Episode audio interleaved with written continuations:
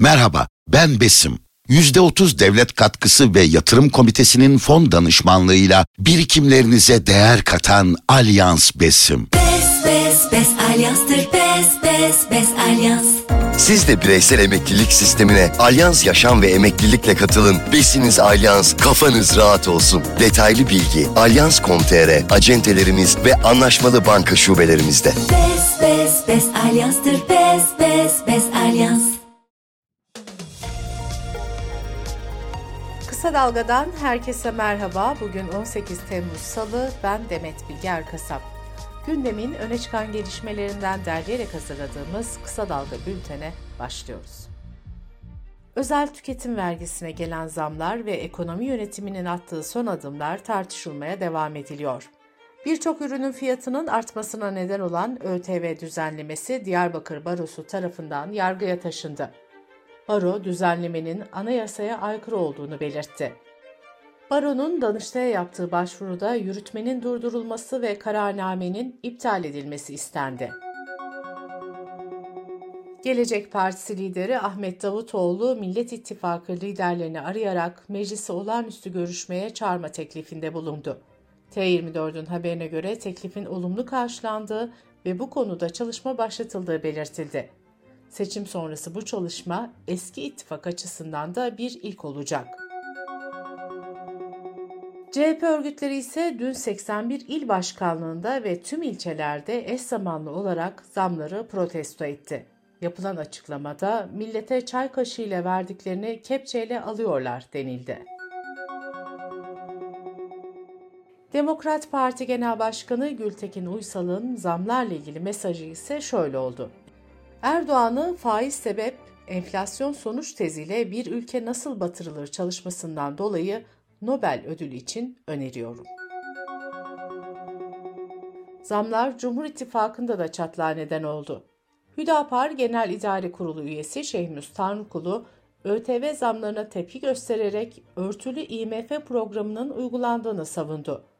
Tanrıkulu faiz ve borçlanmaya son verilmesi çağrısında bulundu. Zamlara Cumhur İttifakı ortaklarından Büyük Birlik Partisi ve Yeniden Refah Partisi'nden de tepki gelmişti. Büyük Birlik Partisi lideri Mustafa Destici, dolaylı vergilerin dar gelirli ile yüksek gelirlinin sırtına aynı oranda yüklendiğini belirterek bunun doğru olmadığını söylemişti. Yeniden Refah Partisi Genel Başkanı Fatih Erbakan ise vergilere yapılan yüksek artışlar artık vatandaşımızı ezen ve kabul edilemez noktalara gelmiştir diye konuşmuştu.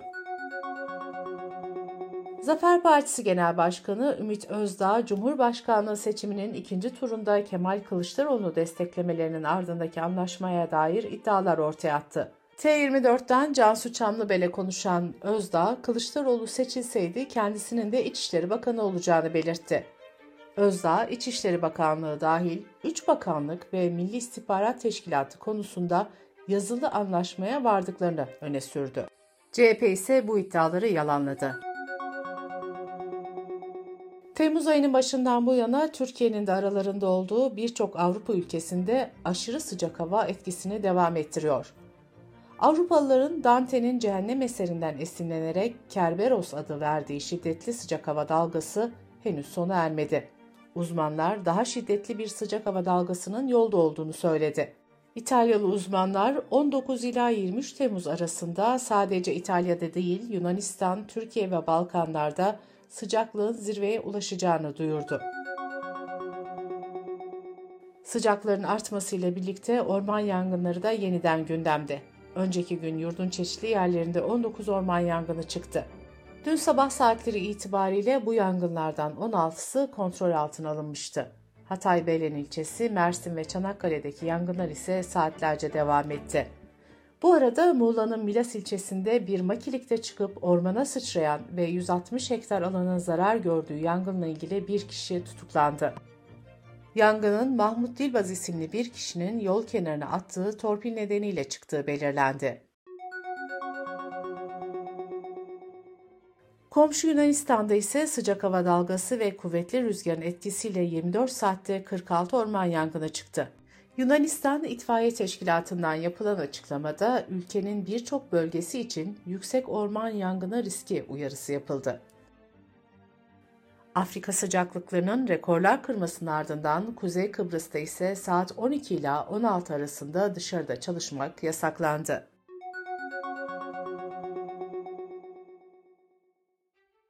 Amerika'nın güneybatısında aşırı sıcaklar 110 milyondan fazla kişiyi etkiledi. BBC'nin haberine göre Kaliforniya'da sıcaklıklar 53 dereceyi, Las Vegas'ta 47 dereceyi aştı.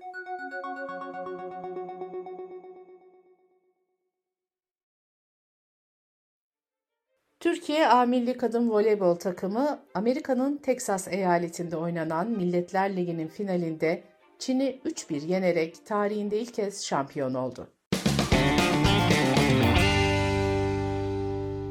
Kısa Dalga Bülten'de sırada ekonomi haberleri var. Hazine ve Maliye Bakanlığı akaryakıta gelen yüksek ÖTV zammına gösterilen tepkilerin ardından açıklama yaptı. Bakanlık, ÖTV zammına gerekçe olarak depremleri ve 2016'dan beri vergi artışı yapılmamasını gösterdi. Cumhurbaşkanı Yardımcısı Cevdet Yılmaz ise yıl sonuna kadar yeni bir vergi artışı olmayacağını söyledi. Enerji Piyasası Düzenleme Kurumu ise doğalgaza %224 oranında zam yapıldığına dair haberleri yalanladı. Açıklamaya göre KDV etkisiyle birlikte metreküp fiyatında yaklaşık 6 kuruşluk bir artış olacak.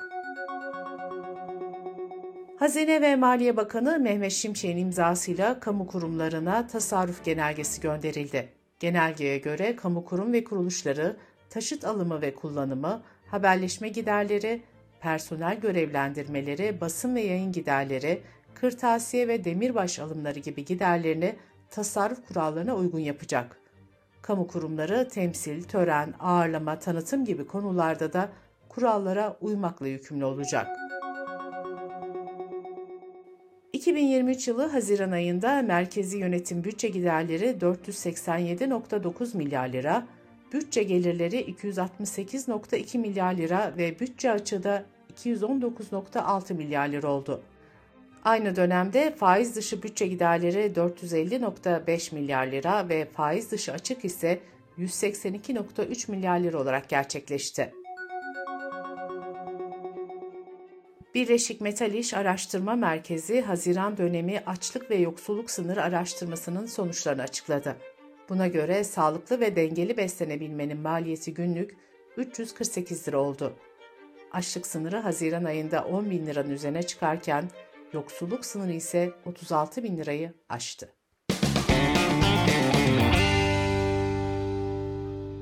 Dış politika ve dünyadan gelişmelerle bültenimize devam ediyoruz. Kremlin, tahıl koridoru anlaşmasının sona erdiğini, Rusya'yı etkileyen şartların yerine getirilmesi durumunda anlaşmaya geri döneceklerini açıkladı. Rusya'nın Ukrayna'ya savaş açmasından sonra dünyada kıtlık tehlikesi ortaya çıkınca Birleşmiş Milletler ve Türkiye'nin arabuluculuğunda 22 Temmuz 2022'de Ukrayna ile Rusya arasında tahıl koridoru anlaşması imzalanmıştı. Anlaşma, Ukrayna limanlarına giren ve çıkan gemilerin saldırıya uğramayacağına dair güvence sağlıyordu. Rusya ise anlaşmada kendi çıkarlarının dikkate alınmadığını öne sürüyordu. Tahıl koridorundan bugüne kadar 33 milyon tondan fazla tahıl taşındı. Anadolu Ajansı'nın haberine göre tahılın %40'ı Avrupa'ya, %30'u Asya'ya, %13'ü Türkiye'ye, %12'si Afrika'ya ve %5'i de Orta Doğu'ya taşındı. Cumhurbaşkanı Recep Tayyip Erdoğan dün çıktığı Körfez turu öncesinde Atatürk Havalimanı'nda açıklamalarda bulundu. Tahıl Koridoru Anlaşması ile ilgili konuşan Erdoğan, seyahatten dönünce bu konuyu Putin'le görüşeceğini söyledi.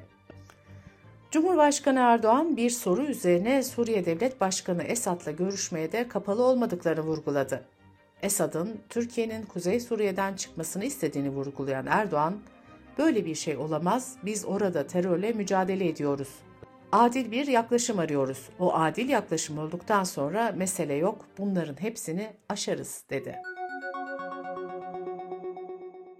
Avrupa Birliği ile Tunus arasında düzensiz göçe karşı anlaşma imzalandı.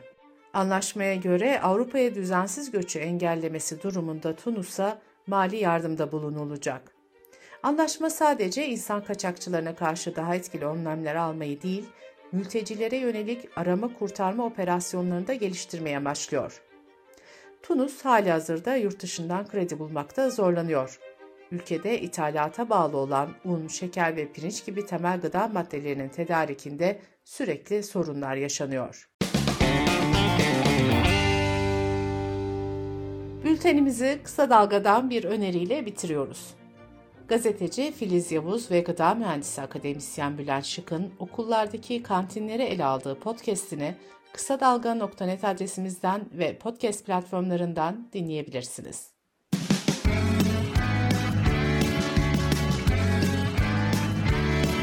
Kulağınız bizde olsun. Kısa Dalga Podcast. Merhaba, ben Besim. %30 devlet katkısı ve yatırım komitesinin fon danışmanlığıyla birikimlerinize değer katan Alyans Besim. Bes bes bes alyanstır bes bes bes alyans. Siz de bireysel emeklilik sistemine Alyans Yaşam ve Emeklilikle katılın. Besiniz Alyans, kafanız rahat olsun. Detaylı bilgi alyans.com.tr, acentelerimiz ve anlaşmalı banka şubelerimizde. Bes bes bes alyanstır bes bes bes alyans.